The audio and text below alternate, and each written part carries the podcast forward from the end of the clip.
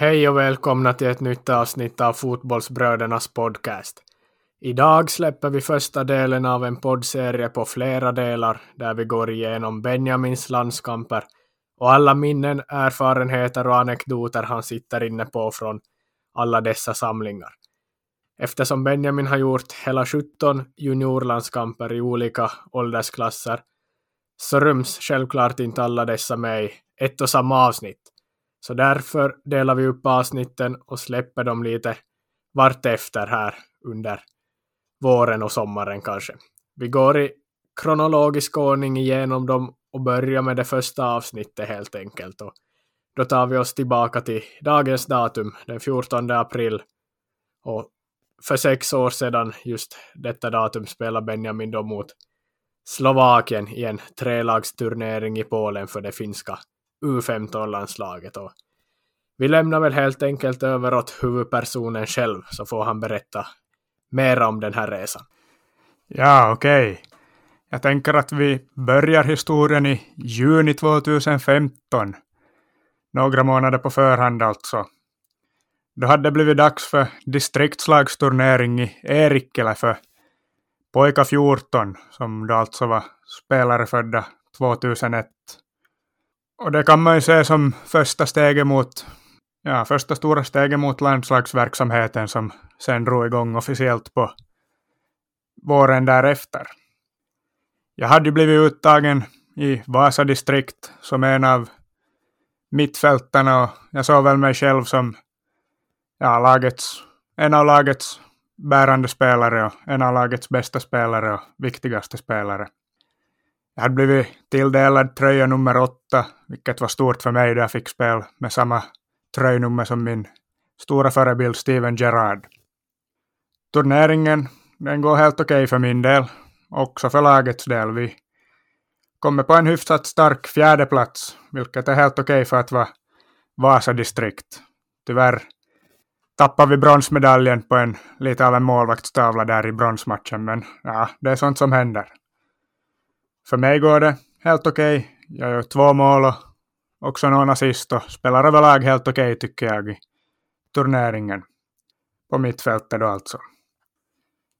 Efter att de officiella, eller turneringsmatcherna var färdigspelade så togs sen ut ett, eller två, All-star-lag som sedan skulle spela match sista dagen mot varandra. Och det var då alltså de bästa spelarna enligt, enligt tränarna och alla de som kollar på turneringen då. Jag vet inte riktigt vem som utsåg det där, men säkert landslagstränare och sådana. Och mitt mål var ju såklart att ta mig dit och bli en av spelarna som får spela All-Star-matchen. Det var helt självklart för mig att jag skulle vara med där och, och det var väl också en rimlig och realistisk målsättning. Men efter turneringen då var färdigspelad så kom beskedet att jag inte hade blivit uttagen.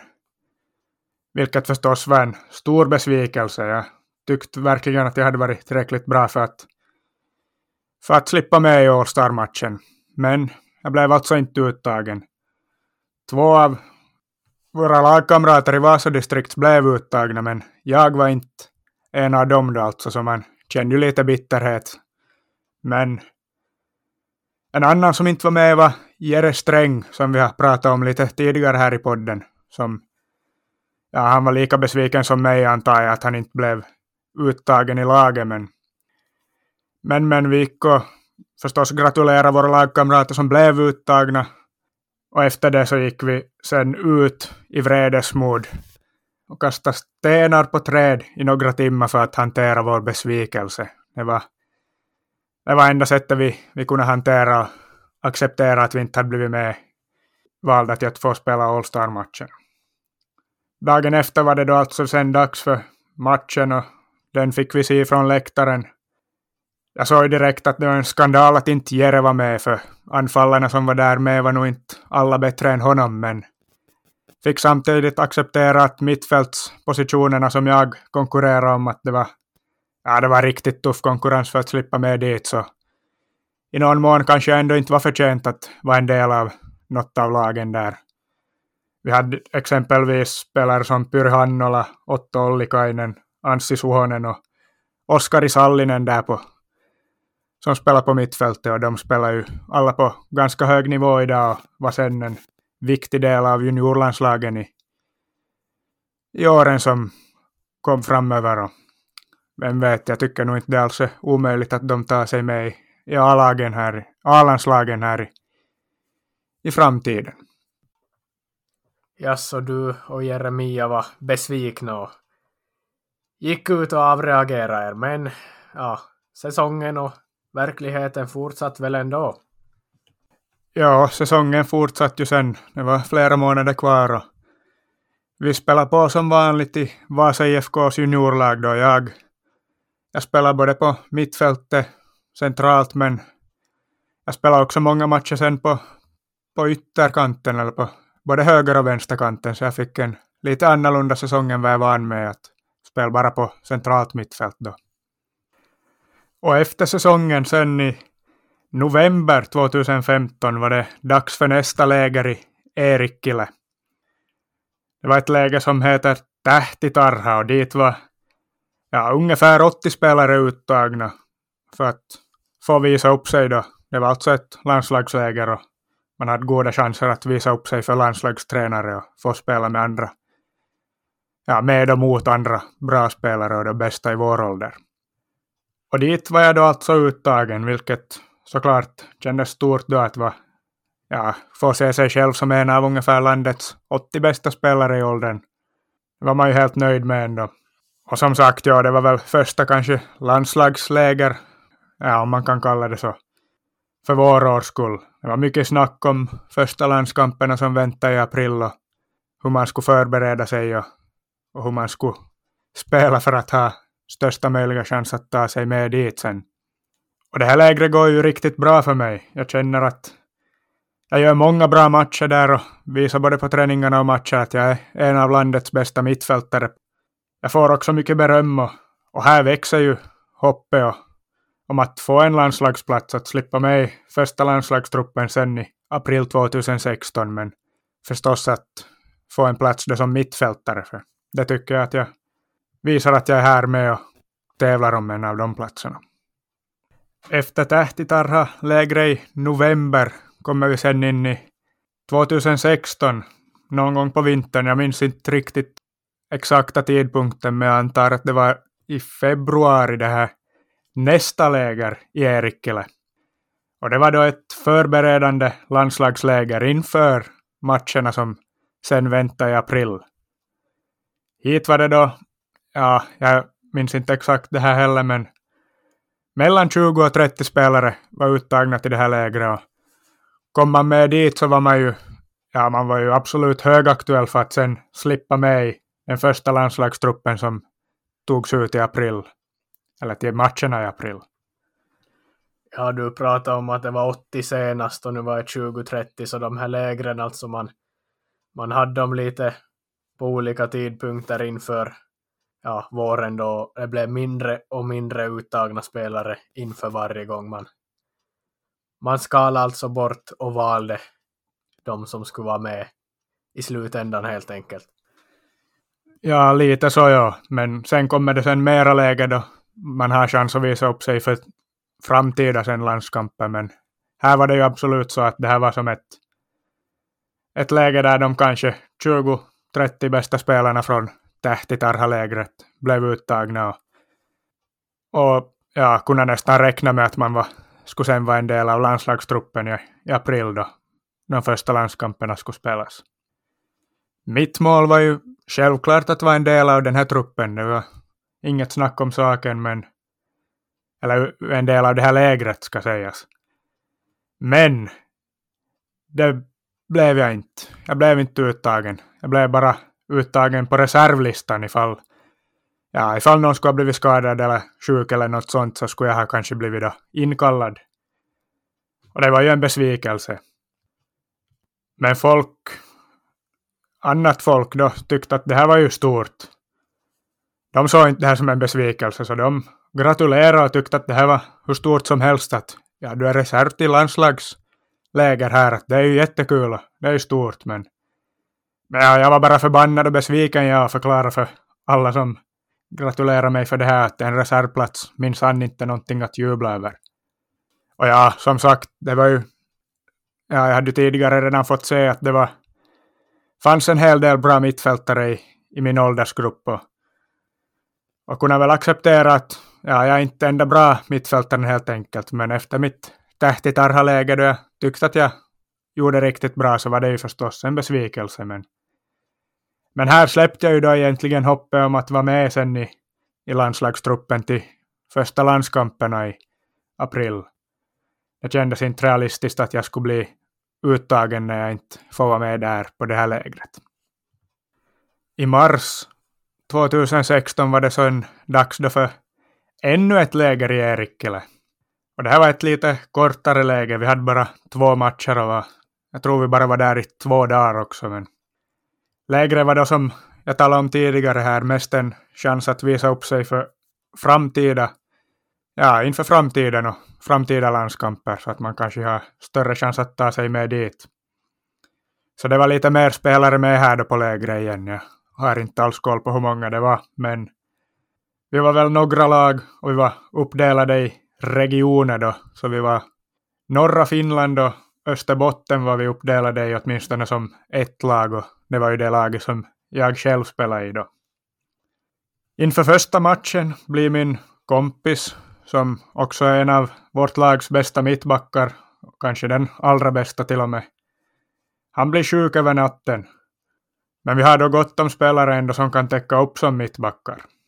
Därför blir det en stor överraskning när vi kommer till omklädningsrummet inför första matchen och vår tränare som fortfarande idag är verksam i bollförbundet, Steven Ward, har skrivit upp startelvan på taktiktavlan. Jag blir först riktigt besviken då jag inte ser att mitt namn är ett av namnen på mittfältet och tror att jag har blivit bänkad. Innan jag sen märker att jag är uppskriven som mittback. Och jag förstod ju som inte... Ja, okej, okay, min kompis mittbacken då, han har blivit sjuk, men vi har ju andra spelare, vi har andra mittbackar i truppen, så varför, varför sätter han mig här nu som mittback? Jag förstod inte alls. Jag har ju aldrig spelat mittback förr. Jag har alltid spelat på mittfältet eller tidigare spelat i anfallet, så jag förstod inte alls vad, vad det var frågan om här. Jag blev ju dessutom ganska besviken på att behöva slösa en match på att spela på en helt ovan position och därför då inte kunna visa upp mig från min bästa sida. Vi hade ju bara två matcher på det här lägret så det går ju ja, hälften åtminstone åt att spela på fel position. När vi då dessutom hade andra mittbackar som skulle kunna spela som mittback, så jag förstod ju inte alls det här. Och lugnare blev man ju inte heller av att man visste att motståndarna hade Maximo Tolonen som på den här tiden var, ja han var väl anfallarens som var kanske bäst av alla då. Ja, han och tillsammans med Anssi Suhonen var två spelare som redan har fått debutera med 0-0 födda pojkarnas landslag, alltså åldersgruppen äldre än oss. Honom hade de i anfallet. Och honom skulle jag då alltså som aldrig har spelat mittback för försöka försvara mig mot. Varför jag blev satt som mittback fick jag ingen bra förklaring av, av Steven, åtminstone vad jag minns så här i efterhand. Men han förklarade att det, att spela mittback det är ungefär som att spela på mittfältet där du är van att spela, bara att du behöver hålla koll på offside-linjen då förstås, så du inte hänger längre ner än resten av laget och upphäver offsiden. Jag höll ju inte riktigt med om det och tyckte att det lät som en grov förenkling. Innan matchen hinner jag sen, ja det var väl på uppvärmningen eller någon gång, berätta för pappa som sitter på läktaren att jag ska spela mittback. Och han blir ju lika förvånad som mig själv, men påpekar också snabbt sen att jag måste försöka hålla koll på offside-linjen då, att det är kanske det viktigaste du måste tänka på. En annan sak jag försöker tänka på här var ju min före detta tränare Kristoffer Klos ord som han någon gång sa åt våra dåvarande mittbackar i Vasa IFK som jag hade snappat upp. Det var en anekdot från hans spelarkarriär tror jag. Då hans tränare sa till honom som så att som mittback, då ska dina shorts och din speltröja efter matchen de ska vara helt bruna för du ska ha slängt dig och kastat dig och glidit och tacklat så kämpa så hårt att de ska de ska vara helt bruna av skit från marken för du har luggit så mycket på marken och sånt. Men det höll då inte Toffe Klo med om. Han menar att har du gjort en bra match som mittback, då är dina shorts och spelkläder helt rena. Om du har vita shorts så är de lika vita som innan matchen eftersom att du, du har stått rätt hela tiden, positionerat dig rätt och inte ens behöva slänga dig på marken. Så det handlar alltså mycket om att positionera sig rätt och spela klokt och smart. Det här att spela mittback. Men det kändes kanske ändå som lättare sagt än gjort för mig här då som skulle spela mittback för första gången. Helt utan att ha gjort det förr. När matchen sen drar igång känner jag mig ganska vilsen. Och ja, jag försöker väl i ärlighetens namn mest bara att inte göra bort mig. Det är väl att inte göra några korkade misstag som jag fokuserar på. Och ja, vi som lag spelar en riktigt dålig match. Vi släpper in två mål innan paus, men som tur för mig är nog inte något av målen faktiskt mitt fel här. Men inte tror jag ju att, ja, inte kändes det i alla fall som att jag gjorde en bra match eller en bra halvlek. Enda som kanske gick helt okej okay var ju spelet med boll. För ja, som mittfältare har jag, och som spelare överlag har jag ju alltid haft ganska bra teknik och bra passningsfötter och sånt så jag lyckas faktiskt slå en nästan spektakulär passning fram till ett friläge till en av våra spelare som tyvärr blir avvinkat för offside men det är nog nästan en av de bästa passningarna jag någonsin har slagit i min karriär det. Men egentligen var det väl enda noterbara bra saken jag gjorde den här halvleken. Sen i andra halvlek spelar jag bara tio minuter till innan jag blir utbytt och vi sätter in en riktig mittback. Men under den tiden hinner vi också släppa in ett mål, så vi släpper alltså in tre mål med mig på plan som mittback på, ja, lite på en halvlek. Och den här gången var också målet lite mitt fel. Jag ju gick bort mig helt i någon, i någon rusning där och positionerade mig helt fel, så vi släppte in tre mål med mig på plan och spelade riktigt dåligt som lag överlag.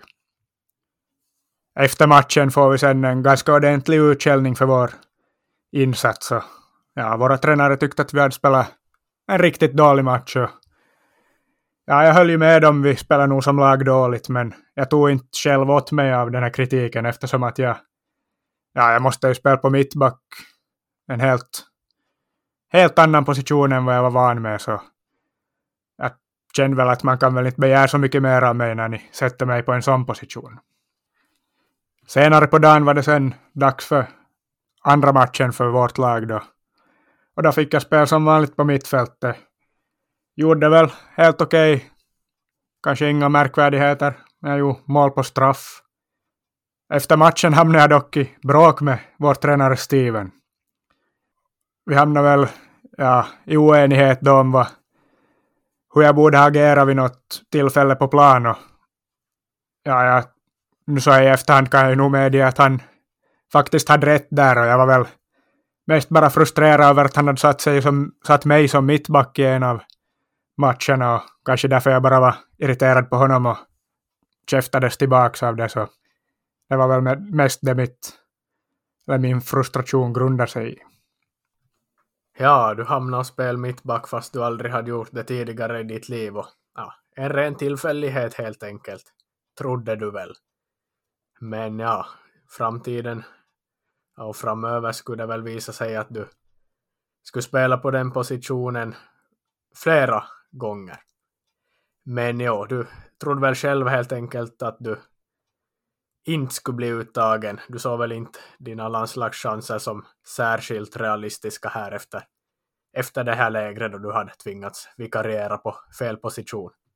Ja, jag hade ju som sagt redan släppt landslagshoppet, eller drömmen till den här första truppen redan vid det där tidigare lägret. Och efter det här lägret kändes det ju nog absolut inte som att jag skulle ha förstärkt mina chanser åtminstone.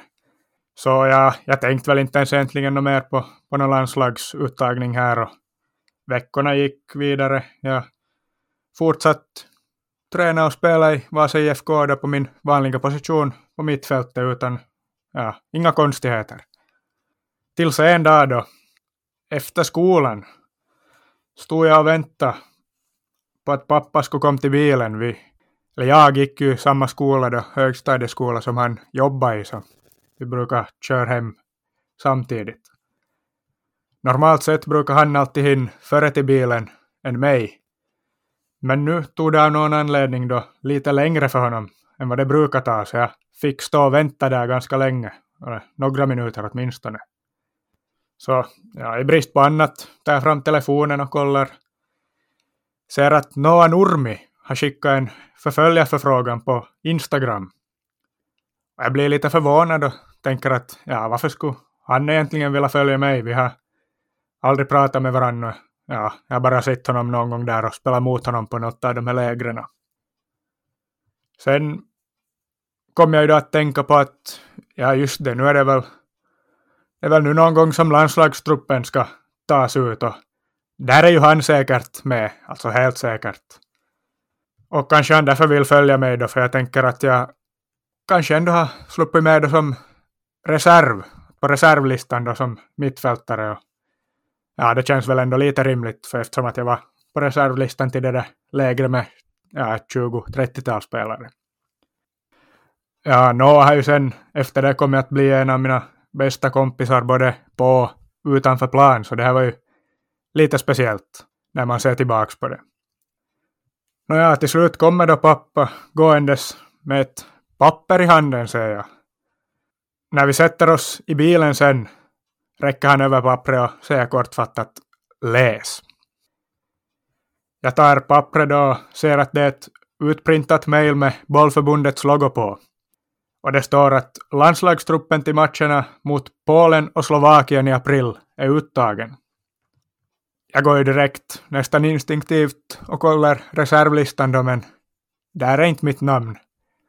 Och sen läser jag då igenom listan av spelare som har blivit uttagna. Och då hittar jag mitt namn i kategorin försvarare. Ja, jag drabbas väl av någon slags chock här och förstår, ja, jag förstår absolut ingenting. Vad är det som har hänt här? Att nu måste det ju, någonting har ju hänt som har gått snett här. Nu måste ju, det här måste ju vara ett misstag helt enkelt. Det, det kan ju inte vara så möjligt att här blivit uttagen som mittfältare eller och de bara i misstag har satt mitt namn på, som back. Eller har jag faktiskt på riktigt blivit uttagen som back i landslaget efter att ha gjort ja, lite över en halvlek som mittback. Aldrig spelade förr. Släppte in tre mål och spelade dåligt som lag överlag.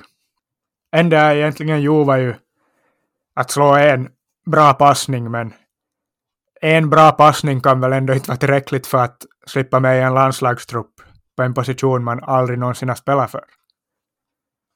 Men oavsett så har du blivit uttagen till en landslagstrupp för U15-landslaget och kanske man börjar vara lite nervös i det här läget.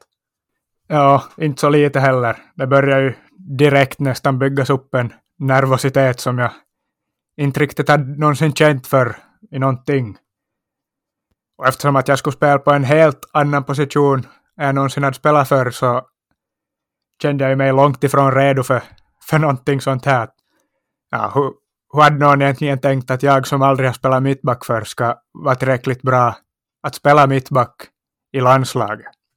Sen samma kväll som jag hade fått det här beskedet hade jag sen träning med Vasa IFKs B-juniorer som vanligt. Och jag berättade åt vår tränare Max Peltonen som i dagens läge är huvudtränare för första laget i IFK Ja, jag berättade för honom att jag hade blivit uttagen till landslaget som mittback. Han blev ju förvånad, men gratulerade och började egentligen genast lära mig spel som mittback, vilket jag får tacka honom för. Och jag hade ju här också samtidigt ganska tur med att Max själv var mittback i sin karriär, så ja, jag fick ju lära mig av lite av en expert här då i alla fall i, i några veckor på förhand. Då det blir ju lite av en snabbkurs i att lära sig spela som mittback. Jag hinner ju göra en del träningar och Ja, jag hinner spela två matcher bara som mittback.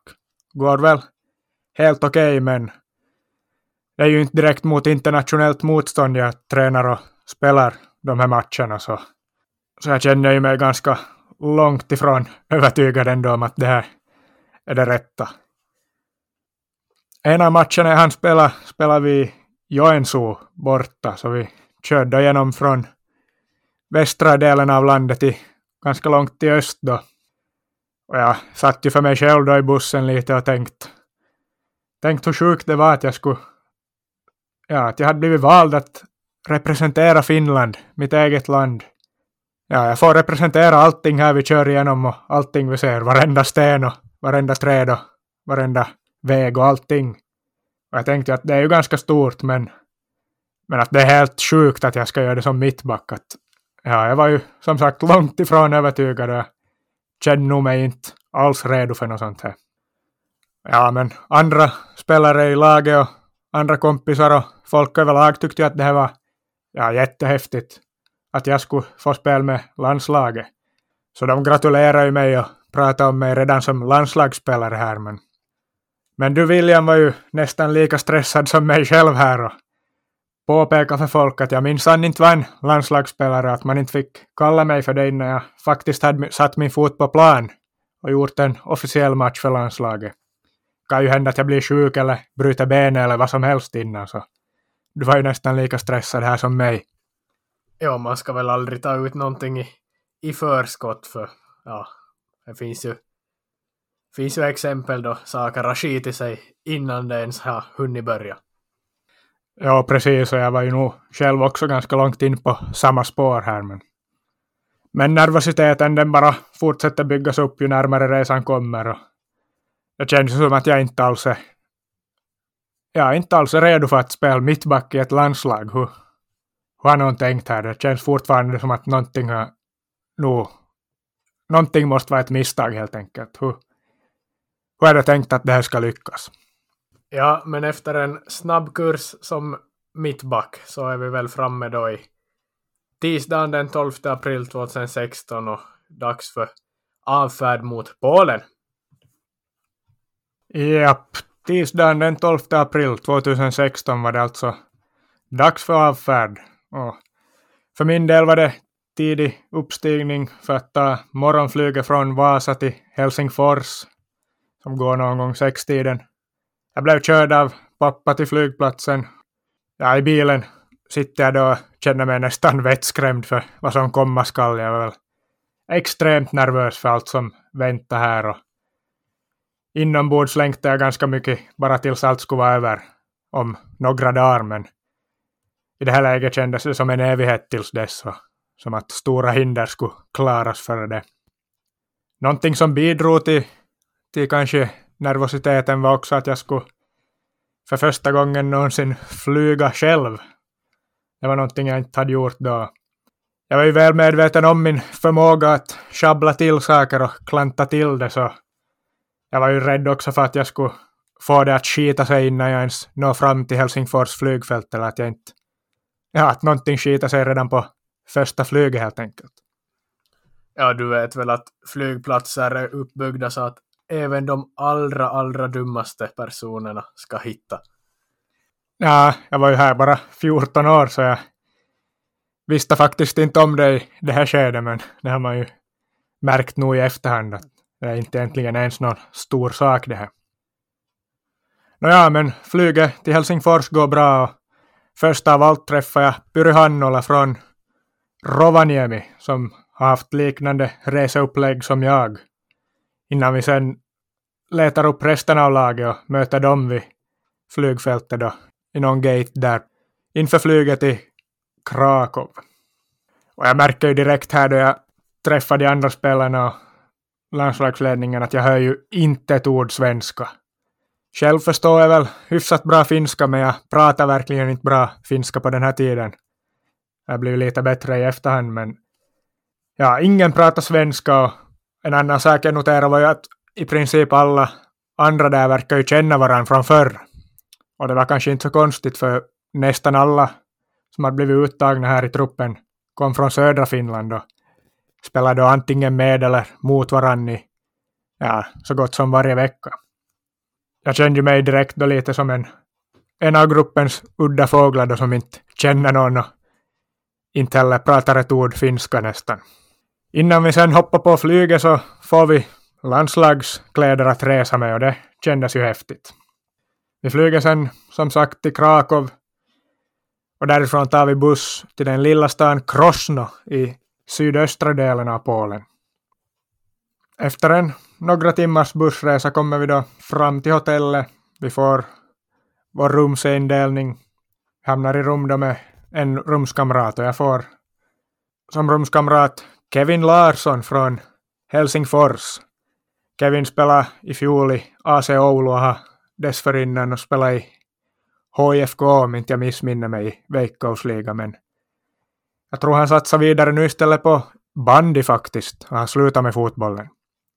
Som tur för mig var det att Kevin pratade svenska, eller han var väl så gott som tvåspråkig, vilket då var tur för mig och skönt så man hade någon på rummet som man åtminstone kunde kommunicera ordentligt med. Ja, vi snackar lite på rummet och lär känna varandra, men sen på kvällen har vi då en, en lätt förberedande träning för sen dagen efter var det dags för första landskampen. Vi åker ut till en lite mindre arena någonstans i Krosno och kör ett lätt träningspass. Jag får känna lite mina lagkamrater, hur de är som spelare där och, och vi går igenom lite hur vi ska spela och vad vi ska tänka på, fasta situationer och sånt. Träningspasset går väl helt okej okay för min del och ja, man är lite ovan med lagkamraterna och så, men det går ändå helt okej. Okay. Efter träningen sen var det några småpojkar runt plan som hade sitt på vår träning och ville att vi skulle skriva autografer till dem så de skulle få ja, de vill ha Finlands framtida storspelares autografer här. Och jag hade ju aldrig fått skriva någon autograf förr åt någon, så det här blev ju första gången. Och fick skriva där åt några på några bollar och tröjor. Och jag visste ju inte alls, hade väl ingen autograf i det här skedet, så jag bara improviserade någonting med pennan och drog iväg något. Jag kan tänka mig att det blev ganska fult, men nu sitter alltså några polska ja, de börjar väl vara uppe i tonårsåldern nu redan, men någon sitter alltså inne på min autograf där på några bollar och tröjor. Eller min före detta autograf jag har hittat på en lite bättre sen dess.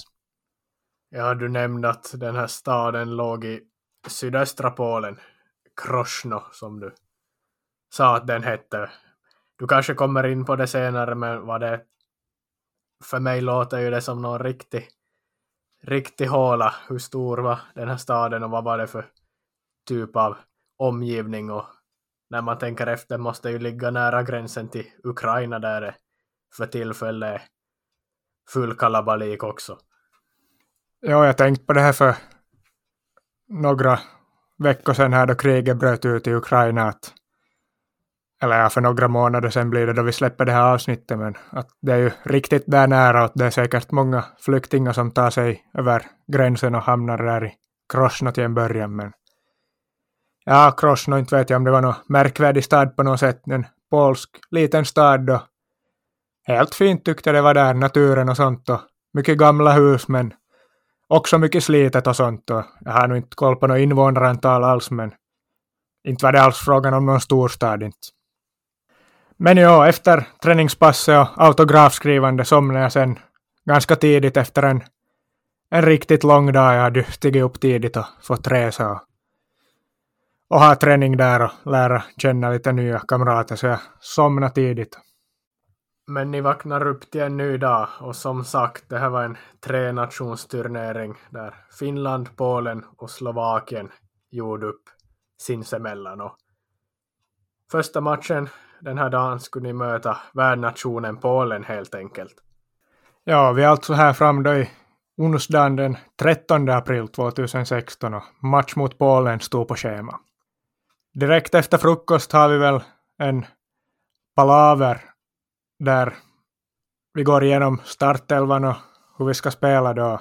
Och det förklaras ju här på palavern då att speltiden kommer fördelas jämnt på de här två matcherna så att alla ska få lika stora chanser att visa upp sig. Och det betyder då att alla kommer åtminstone starta en match. Den här matchen då hade jag blivit satt på bänken till en början. Och ja, det kändes nästan skönt. Man var ju så nervös här att det lugnade ju nerverna lite i alla fall att man, att man skulle få se från sidan och sen kanske vara mer förberedd inför morgondagen då. Ja, fick väl rikta in mig på ett inhopp här i matchen mot Polen. Vi åker sen iväg till arenan som jag har kollat upp i efterhand att den hette Stadion Karpati Krosno, om jag uttalar det rätt där på polska. Vi kommer dit då jag märker väl att det är en speedway-arena också, förutom en fotbollsplan, eller åtminstone går det sådana leriga, ja inte löparbanor, men speedwaybanor runt gräsplan där. Och kommer direkt ihåg från allt Sportspegeln tittande genom åren att speedway är ju stort i Polen. Nåja, vi värmer upp sen och, och mycket folk har ju kommit för att se på Polens framtida stjärnor här. Inte så konstigt att folk vill komma se på, på ja, sin framtida generation där, hemmalaget. I vårt omklädningsrum är ganska spänt och nervös stämning för alla inför matchen här, inte bara för mig. Och det märktes ju verkligen att nu, nu är det frågan om något annat än en bara vanlig match som vi har spelat förr. Nu är det faktiskt dags för vår första landskamp här. Ja, U15-landslag, det är väl alltså första gången man någonsin har chans att spela i landslaget, har jag förstått rätt. Ja, åtminstone här i Finland är det så. Jag vet inte hur det funkar i andra länder. Polen hade faktiskt redan hunnit spela någon landskamp tidigare och jag tror Slovakien också hade gjort det. Men för oss var det första landskampen och det kändes ju stort för oss alla. Ja, vi avbytare vi tågar sen ut och sätter oss på bänken och väntar på att lagen kommer in och så. Sen mitt i allt då stiger alla upp. Jag hänger inte riktigt med där men alla ställer sig upp och det har blivit dags för nationalsånger. Och jag, jag kunde ju inte texten på finska i Finlands nationalsång som svenskspråkig så jag sjöng bara lite halvt försiktigt på svenska men inte fick vi väl alls något tryck igång på vår nationalsång där men betydligt bättre tryck blev det ju på Polens nationalsång då. Många på läktarna och, och spelarna och sjöng, alla sjöng där då. Jag minns ju den här nationalsången från EM 2012, kommer jag ihåg att jag tänkt på vid det tillfället. Efter nationalsångerna blir det sen dags för slantsingling mellan kaptenerna och jag märker ju här, noterar jag en, en häftig sak som jag blir imponerad av. Jag märker att domaren Istället för att ha bara ett vanligt mynt, en euro eller någonting sånt som man annars har varit van med att se domarna så här kör de med Uefa-mynt. Med en blå och en gul sida när det står Uefa på båda sidorna. Och ja, jag blir ju imponerad och känner att ja, det här är någonting stort att de kör med Uefa-mynt här. Nu är det verkligen på riktigt. Domaren blåser ju sen då igång matchen och vi får ju en mardrömsstart. Vi släpper in mål direkt efter tre minuter. Sämsta tänkbara start egentligen. Men efter det höjer vi oss faktiskt och vi spelar riktigt bra fotboll i största delen av första halvlek. Vi, ja, vi är det bättre laget tycker i alla fall jag och vi skapar flera bra chanser och skulle kanske kunna få någon straff där också men, men vi lyckas inte göra mål på våra chanser och ja, kanske beror på nervositet eller, eller otur och, eller lite av både och men men vi var i alla fall det bättre laget i mina ögon under största delen av första halvlek. Därför går ju luften sen ur ganska ordentligt när vi släpper in 2-0 just innan paus. Kom lite som en käftsmäll för oss. Sen i början av andra halvlek då, då börjar saker gå riktigt dåligt för vår del. Då är vi ett helt annat lag än vad vi var i första och självförtroende från den här bra första halvleken spelmässigt var som bortblåst efter det där 2-0 målet. Så vi, vi börjar göra helt onödiga misstag och spela riktigt dåligt. Och Polen gör två ganska snabba mål efter andra halvlek, så då ligger vi alltså under 4-0 med ja, ganska mycket kvar att spela mot ett effektivt Polen som inte visar något tecken på att försöka börja ta det lugnt här eller något. Och i det här skedet får vi också på bänken instruktioner om att börja värma upp. Och från att ha varit ändå hyfsat lugn eller vad man ska, ja, lugnt i sett i förutsättningar och så, så ökar ju nervositeten flerdubbelt här när man ska ja, kanske bli inbytt här och vi ligger under 4-0 mot ett bra Polen. Och, och jag funderar ju på hur, hur ska jag klara av det ifall jag blir inbytt så när det går så här dåligt med riktiga mittbackar och jag som inte ens är mittback på riktigt. Ja, om jag ska in dit då försöka försvara mot de här polska anfallen så hur, ja, hur ska det gå? Känner ju nog som att det kan skita sig riktigt ordentligt här. Och med ungefär tio minuter kvar sen blir jag kallad till bänken för att bli inbytt. Jag får dra på landslagströjan. Känns ju ganska stort ändå. Fick spela med nummer 19. Och ja, men jag tänker väl inte på att det känns så stort utan enda jag har i huvudet här är att bara jag får inte göra bort mig, jag får inte skämma ut mig här. Det är det enda jag ska försöka att komma härifrån med hedern i behåll. Så jag tänker jag får försöka göra det ganska enkelt då med och inte, ja, bara försöka att inte göra några misstag. Men det första jag sen gör när jag får tag i bollen och är in på plan, det är ju inte att försöka spela enkelt, utan det är att försöka dra iväg en crossboll över till vår höger kant, där vi har vår höger yttermittfältare. Och normalt sett är ju den här typen av passningar en av mina starka sidor, men här skiter det sig riktigt ordentligt. Jag får en rejäl felträff och bollen flyger iväg ungefär 20 meter i fel riktning och högt och ja, åt helvete helt enkelt. Så den går ut i inkast för Polen. Så det var ju ingen bra start för min del. Lite senare får vi sen ändå straff och då får vi ju chansen att putsa till siffrorna i alla fall. Det skulle vara ändå kul om vi gör ett mål då jag är på plan. Men den här straffen missar vi då förstås. Polens målvakt räddar. Och det känns ju här som att allting som kan skita sig, det skiter sig här och nu. Men allt hade inte ännu skitit sig klart, utan det var en till sak som ännu skulle skita sig. På tilläggstid hade mitt mittbackspar då jag kom in här, Patrik Raitanen, som idag spelar i IFK Mariehamn på lån från HJK. Han hade varit ut och fått behandling för en skada, en smäll eller någonting, så han var utanför plan och han hade då inte ännu blivit insläppt på plan. Det betydde ju då förstås att jag nu plötsligt hamnade och spelade ensam, som ensam mittback. Jag som aldrig har spelat mittback då skulle hålla ihop en hel backlinje från mitten och, och det gick ju som det gick. Polen anfaller en gång till då på tilläggstid och slår in ett inlägg från deras högerkant. Bollen dimper ner precis äntligen var vår andra mittback skulle ha varit mellan mig och vår ytterback, men vi försvarar nog det ganska dåligt också, måste jag medge. Det syns i efterhand på video hur vilsen jag är där i den här situationen. Och där har ju Polen en anfallare som fritt får nicka in 5-0 bakom vår chanslösa målvakt. Matchen slutade alltså 5-0. Och det är ju, som ni kan tänka er, riktigt dålig stämning i omklädningsrummet. Och överlag resten av dagen är ju väldigt nedslaget och bedrövat efter en sån här, ja, en sån här landslagsdebut och första match för vårt landslags, eller vår landslags årgång och det slutar 5-0.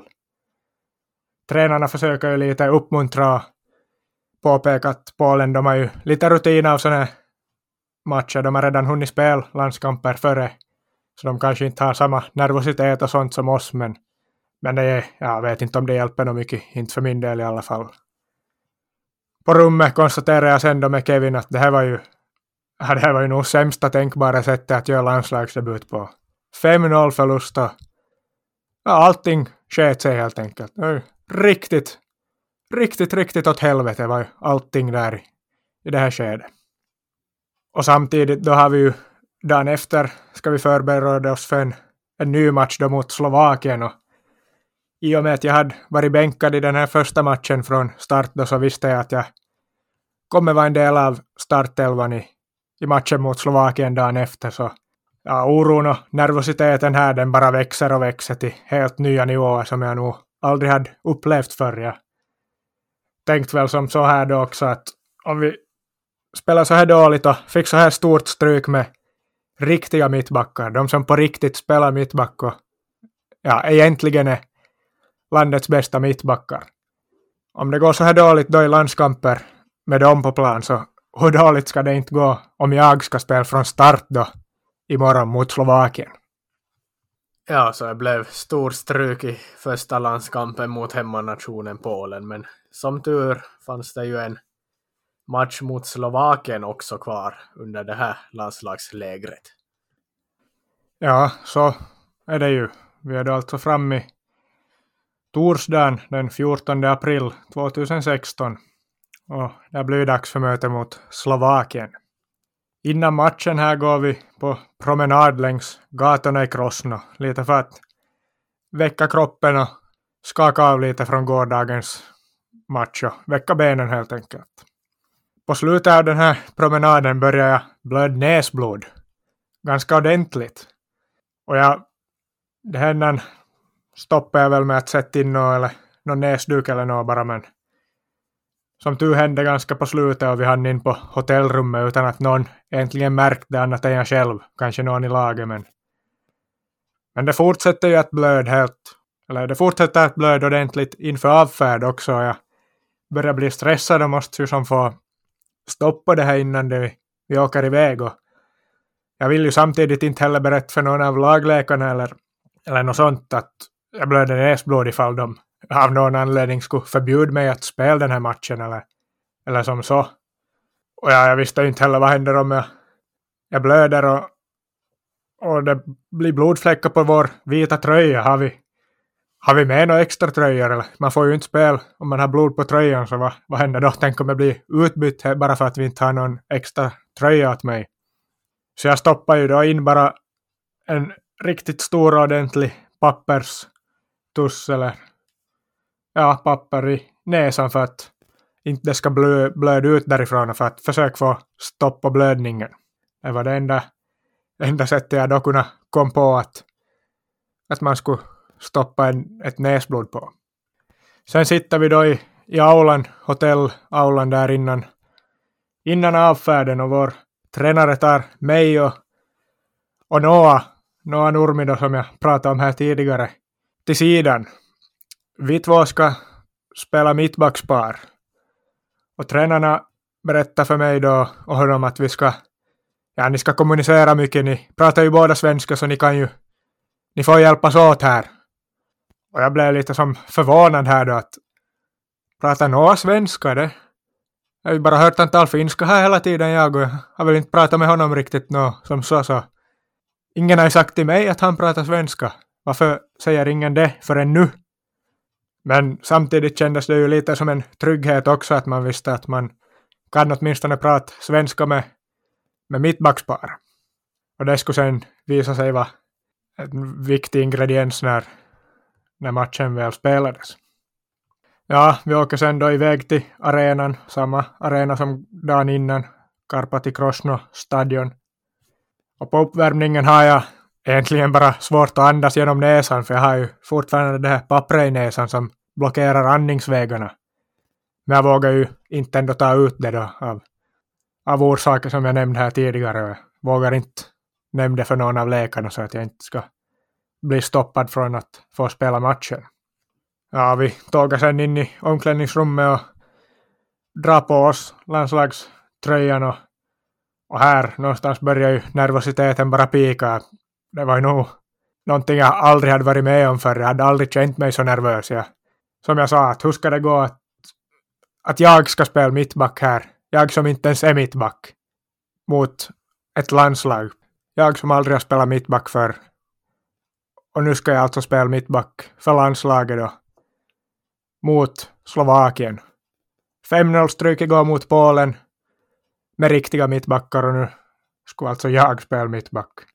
Så det kändes ju inte riktigt rätt på något sätt ja, jag försöker väl egentligen bara tänka att jag vill ha det överstökat utan att skämma ut mig här också. Det var enda jag hade egentligen i huvudet var att jag inte vill skämma ut mig. Jag vill inte göra, gör bort mig helt enkelt. Jag vill komma härifrån bara med hedern i behåll. Vi går sen in på plan då i, de ställer upp oss för nationalsånger. Jag går näst sist i ledet, har bara Pyry Hannola bakom mig. Och nationalsångerna drar igång. Jag hade lite plugga i, i brist på annat hade jag pluggat på texten till vår nationalsång på finska på hotellrummet då i, igår kvällen under besvikelsen där. Det var i flera timmar man inte hade något att göra något annat så nu kunde jag då i alla fall sjunga med på finska här i texten. Och här passar jag faktiskt på också att njuta lite mitt i all nervositet och oro för att ja, jag känner lite stolthet ännu medan det var möjligt innan jag skämmer ut mig, vilket jag nästan förväntade mig att jag skulle göra här. Efter det drar vi ett lagfoto och innan matchen hinner börja märker jag att Slovakiens anfallare, han är stor som ett hus. Alltså han är närmare två meter lång och bred och kraftig som, ja jag vet inte, det kändes väl som att det skulle ha varit mot någon Zdeno Chara för att ta ett slovakiskt exempel. Och han ska jag då alltså hamna och tampas med här då som får emot mig. Jag var ju nog själv hyfsat lång till växten men jag var ganska tunn på den här tiden och också väldigt långsam så fysik var inte någonting ändå som jag så som min starka sida och jag konstaterar med Noah då före att det gäller här att vi får samarbeta för att handskas med den här stora anfallaren för att annars är vi nog chanslösa. Ja, fokus ligger som sagt för min del mest på att bara inte göra bort mig och att försöka samarbeta med Noah. Och det samarbetet, det märker vi ändå att det klickar riktigt bra från början. Mycket då tack vare att vi båda pratar svenska. Så han kunde hjälpa mig där då jättemycket med det. Och matchen blir ju ganska jämn. Det blir inte i alla fall någon mardrömsstart som mot Polen och står och väger lite. Men jag känner ändå att jag, jag kommer hyfsat bra in i matchen och jag känner att jag klarar av ändå i någon mån att spela spel på den här nivån fast jag spelar som mittback. Det kändes helt okej okay här ändå men förstås jag tänker hela tiden bara på att jag måste vara vaksam och jag får, får inte släppa koncentrationen och jag får inte göra några misstag. Och jag gör inte några misstag heller så det går bara bättre och bättre nästan känns det som.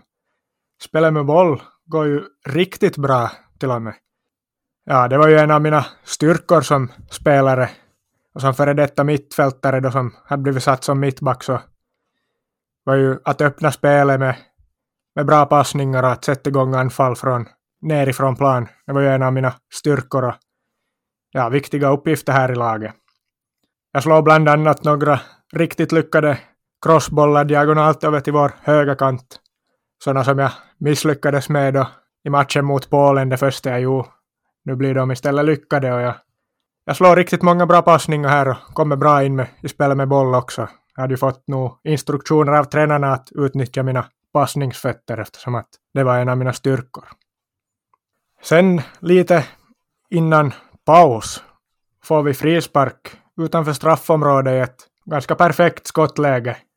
Och jag var ju inte uppsatt som någon frisparksskytt på förhand då vi hade gått igenom fasta men nu ropar ändå tränarna till mig att jag ska gå fram och, och ta den här frisparken för det är läge för en vänsterfotad spelare och jag, jag var ju en av få vänsterfotade spelare i vårt lag så jag, tränarna tyckte helt enkelt att jag var lämplig för den här uppgiften. Och jag tackar ju såklart inte nej till en sån chans. Jag har ju skjutit många frisparkar i mitt liv och gjort mål på många så jag, jag kände ändå som att det är någonting jag behärskar ganska bra och tänkte att nu har jag ju nu har jag ju världens chans här att göra vår årskulls första mål i landslaget. Och jag har chans att göra det på ett riktigt spektakulärt sätt här om jag lyckas få till en bra frispark. Så det kändes ju stort att jag hade blivit vald att få skjuta frispark för landslaget. Och som sagt, jag hade ju skjutit många frisparkar förr i livet och kände mig trygg i det så jag försöker mig på att vrida den över muren i närmsta krysset bestämde mig för. Sätter väl upp bollen och känner att jag får en riktigt bra träff. Så hoppet om att jag ska ha gjort det här första landslagsmålet på frispark stiger ju här under någon millisekund. Tills det då att bollen tar i muren eftersom att Slovakiens enorma anfallare såklart nickar bort den då han är huvudlängre än alla andra där i muren. Ja, det var ju synd men jag tänkte väl inte mer på det sen och så småningom blåst domaren av för paus. Och då på väg ut från plan känner jag mitt i allt hur jag plötsligt får något i halsen och svårt att andas och att någonting känns nästan fel där.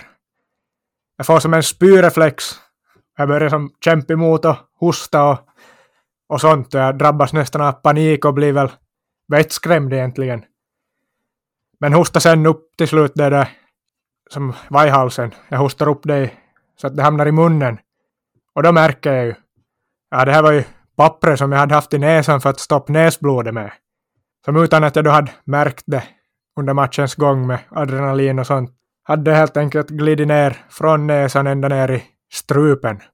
Och var på väg att gå nästan riktigt illa där, då jag hade glömt bort det men jag spottade väl bara ut det och sen märker jag att det inte blöder så jag känner mig ändå hyfsat trygg i att spela andra halvlek utan papper i näsan. I paus tänker jag väl på att nu har det ju verkligen gått över förväntan bra det här hittills så nu har jag max en halvlek kvar att, att klara av här utan att göra bort mig eller skämma ut mig så, så det här har gått verkligen bra hittills det här. Nu måste jag bara fortsätta likadant som jag har, har gjort hittills. Ställningen är ju fortfarande 0-0 här också, kan tilläggas. Och andra halvlek fortsätter sen likadant som den första egentligen. Samma typ av matchbild, riktigt jämnt. Inget av lagen dominerar eller förspelar riktigt. Eller det är väl ja, riktigt jämnt helt enkelt. Men, men jag och Noah, vi fortsätter att samarbeta bra i mittlåset. Vi har William Sinisalo som idag spelar i Aston Villa bakom oss i målet och han får oss också att känna oss riktigt trygga här under matchens gång. Och ju mer matchen lider, eller ju längre, ju längre vi kommer in i matchen, desto mer börjar vi faktiskt lite, lite i taget ta över matchen. Ja, nästan gradvis tar vi över spelet och ungefär halvvägs in i halvleken då drar en slovak på sig sitt andra gula kort faktiskt. Och blir då alltså utvisad. Så nu har vi då alltså ett jätteläge att göra någonting bra här. Vi har 0-0 på resultattavlan. Vi är inne i en bra period i matchen, håller på att ta över spelet mer och mer och bygger upp mer självförtroende. Jag och Noah spelar bra i backlinjen och inget kommer egentligen förbi oss där. Så nu har vi ju verkligen läge att ta initiativet här och gå för ett ledningsmål. Och ja, det är ju det vi försöker med att göra det sen också. Vi spelar bara bättre och bättre egentligen och, och det gör jag och Noah i mitt låse också. Vårt samarbete bara blir bara helt enkelt bättre för ju längre matchen gick. Vid ett tillfälle visar vi exempel på detta kanske det blir extra, extra tydligt. Jag gick upp i en nickduell mot Slovakiens anfallare vid mittplan. Men istället för att bara nicka bort bollen som man hade gjort vid nästan alla andra tillfällen, duckade jag och lät bollen gå över mig. Men den gick ju inte bara över mig, den gick ju också över Slovakiens anfallare som var överraskad att jag gjorde så här. Jag kom ju som in före han på bollen och han hann inte reagera på att jag duckade där. Och det här var ju någonting som egentligen skulle ha varit en enormt stor risk att göra som mittback och i sista ledet helt enkelt så skulle det här misslyckats skulle Slovakien har fått ja, ett egentligen helt, ett helt rent friläge och haft en enorm chans då att göra 1-0. Men det kändes ju knappt som en risk ens det här för jag visste ju att jag hade Noah bakom mig och jag hade han som trygghet där och att han var med på det här också. Så han bara samlade upp bollen där och lugnt satte igång nästa anfall. Fick oss båda att se riktigt bra ut och fick Slovakiens anfallare att se ganska korkad ut men med ett ganska riskfullt agerande i, i normala fall. Vi trycker sen fortsättningsvis på och ganska i slutet får vi till slut också in 1-0 målet. Och vi bryter ut i stor glädje och jublar. Och jag springer och jublar med Noah på väg fram till resten av lagkamraterna när vi samlas i en hög och firar vårt 1-0 mål. Och efter det här känner jag att nu är jag verkligen nära att klara av det här bättre än jag någonsin hade kunnat tro själv. Vi, håll, vi leder 1-0. Jag har chansen att hålla nollan här. Vi är en man mer. Jag har spelat jättebra. Så nu gäller det bara att inte under de här sista minuterna sjabbla till det här helt enkelt. Nu gäller det att hålla tätt och, och inte göra bort mig. Så att jag inte förstör hela det här, min insats och ja, vårt lags insats också för den delen. Men samtidigt som jag är extremt noggrann då i, under slutet så passar jag också på att njuta av de sista minuterna av matchen. Jag njuter verkligen här och känner att det här är ju extremt. Det här hade jag aldrig trott nästan, att det skulle gå så här bra. Och jag är på plan här, kommer spel. min första hela landskamp. Vi leder 1-0, håller på att hålla nollan. Och jag spelar alltså mittback Fast jag aldrig någonsin har spelat mittback för det här lägret egentligen. Så jag känner ju mig ganska stolt här och till slut blåser ju domarna av matchen. Och då kommer ju som en ännu större våg bara av stolthet och glädje men framförallt egentligen lättnad. Nu har jag faktiskt klarat av det här. Det här trodde jag ju aldrig att jag skulle klara av det med, med sån bravur som jag faktiskt gjorde här. Det kändes helt enormt stort för mig.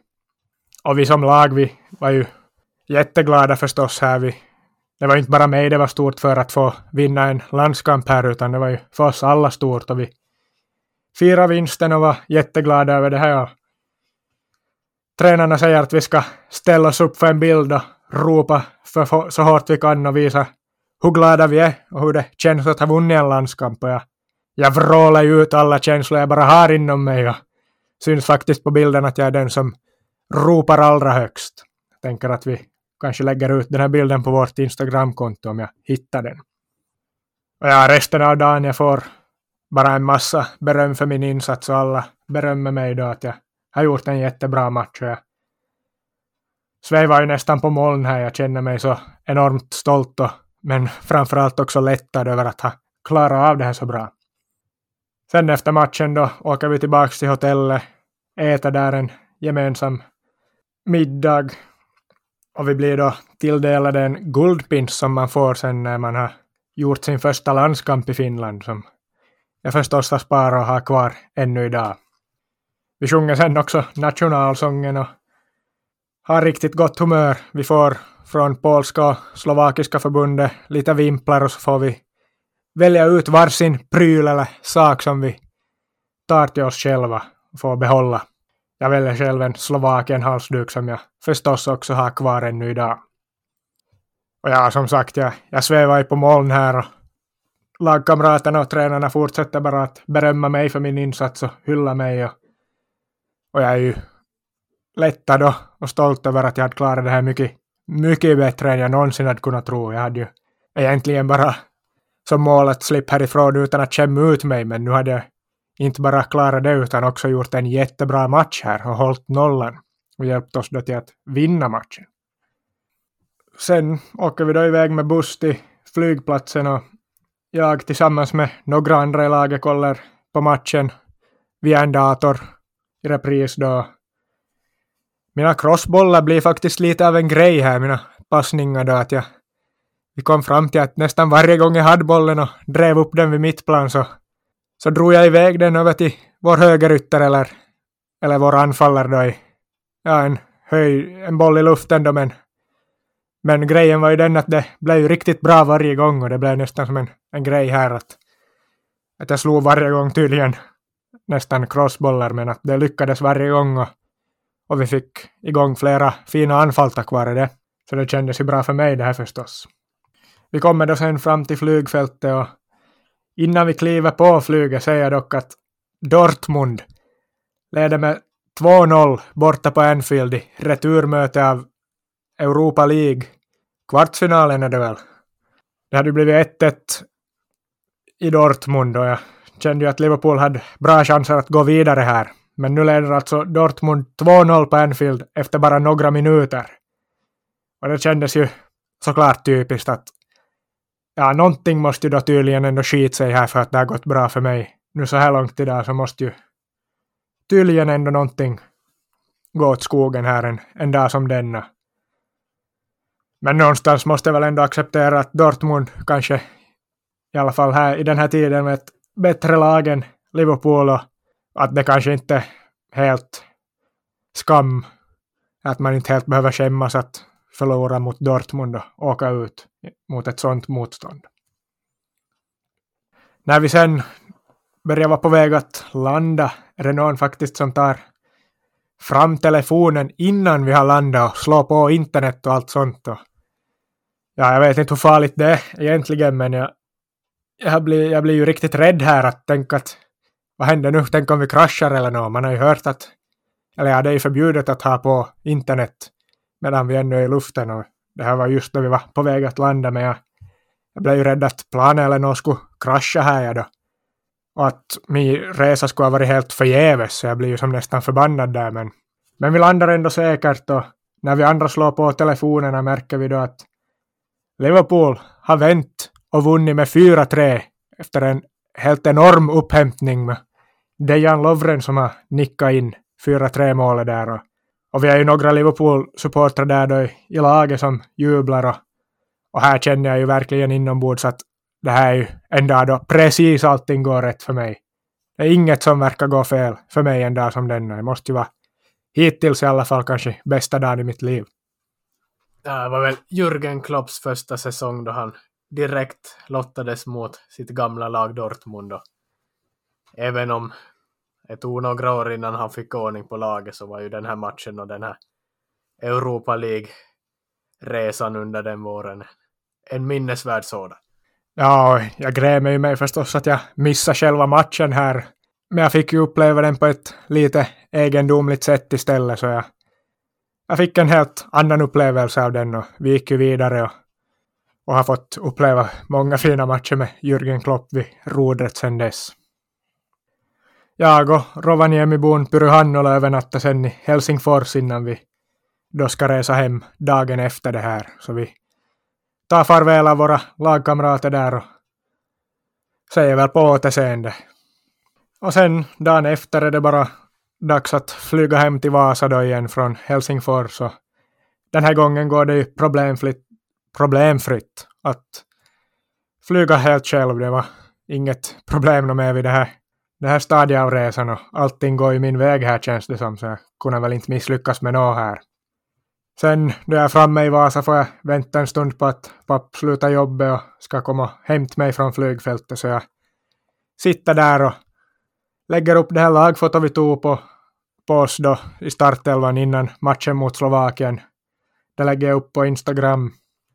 Och folk skickar ju hela tiden gratulationer här och, och frågar om, ja någon frågar om jag har läst matchrapporten på förbundets hemsida. Och det har jag ju inte gjort här så jag går in dit och läser vad, vad som står där och kommer i slutet fram till att, eller ser i slutet att vår tränare Kai Nyssönen har lyft fram mig som en spelare som gjorde en speciellt bra match. Att jag gjorde en bra match i backlinjen. Och det kändes ju riktigt stort och, och som att jag verkligen hade lyckats här. Där jag fick berömma av tränarna till och med på förbundets hemsida, så jag var ju riktigt stolt över en sån sak här också. Till slut kom då pappa och hämtade mig. Och jag satt mig då i bilen och påbörjade bilvägen hem och, och här kände jag verkligen att ja, nu har jag, nu har jag klarat allt det här åtminstone för den här gången. Och, ja, lite som en förändrad människa nästan satt jag där då några dagar efter att jag påbörjade resan i samma bil. Polen och Slovakien i sin tur spelar ju 0-0 i, den, i deras inbördesmöte, så det be betydde ju att ni slutar på andra plats i den här turneringen och Polen som värdnation tog hem den här kuppen. Men ja, vi har väl kollat upp lite de här spelarna som du spelar mot och med. Och inte är det väl jättemånga i Polen och Slovakien som har blivit no, några utropstecken här efter det. Det är väl mest spelare som har ja, antingen har de inte blivit något alls eller så har de spelat i sina inhemska ligor. Men det finns väl några från Finland till exempel i ditt landslag som har, har gått, som det har gått helt okej okay för. Ja, i Polen och Slovakien var det mest alltså, som du sa, då vi har kollat nu i efterhand, folk som har, eller spelare som där spelar i högsta ligan eller andra ligan ungefär. Eller vissa då som inte har blivit något alls. Någon hade väl varit med kanske i någon landslagstrupp har jag för mig, i A-landslaget då, men här i Finland, i vårt lag, har vi ju nog också några som har, som har gjort det bra i karriären sedan dess och, och nått ganska långt till och med. Så vi ska hoppas att det går bra för dem. Några nämnde jag ju här i, i avsnittet redan och så hade vi väl några till. För min egen del blev det ju ingen stor karriär. Skador satt väl egentligen stopp för, för det. Och det är ju så det kan gå. Man måste ju ändå komma ihåg att det här var U15-landskamper, så det är ju, det är ju härifrån ändå en ganska, en ganska lång bit till att någon något A-landslag eller seniorfotboll på hög nivå. Men det är förstås en, en stor sak som 15, ja, 14-15-åring att få bli uttagen till, till landslagstruppen och få visa upp sig mot, mot andra länders bästa, bästa förmågor i samma ålder. För mig blev det ju lite av nästan en ja, life changing experience eller vad man finns det någon bra översättning på svenska där det ja, förändrat mycket i, i livet för min del det här. Främst då kanske att jag fick en helt annan status som fotbollsspelare nu, att nu var jag faktiskt ja, en landslagsspelare eller juniorlandslagsspelare då alltså. Och det innebar ju en helt annan status att folk såg på en på, på ett helt annat sätt, både, ja, både i laget och utanför fotbollen till och med. Om exempelvis som lärare förr hade sagt åt mig att Nej, det, är inte eller det är helt orealistiskt att du ska kunna bli någon fotbollsspelare, så nu efter att man hade varit med landslaget här då så var, hörde man nog inte något sånt något mer. Och, och det kändes ju faktiskt som att man hade helt annat belägg för att satsa på en karriär som fotbollsspelare när man hade nått så här långt i alla fall i, redan i den här åldern. I övrigt lärde man väl sig också att, eller lärde jag mig åtminstone att hantera nervositet under den här resan och som jag upprepar många gånger här var jag ju extremt nervös vid nästan hela resan och jag förstår ju mig själv, jag var ju som 14-årig pojk här, hade aldrig spelat som mittback förr och mitt i allt skulle man in i, i landslaget och spela i ett sånt sammanhang på en helt ny position. Ja, jag förstår ju mig själv att jag var nervös här, men efter detta var jag nog aldrig egentligen nervös i närheten av på samma sätt oavsett vilka matcher jag spelar eller, eller situationer jag har upplevt i livet så lärde jag mig nästan här att hantera nervositet på ett helt nytt sätt. Vad skulle du säga åt någon, någon yngre lyssnare som är uttagen till, ja, vi säger landslagsläger eller till och med en landslagstrupp?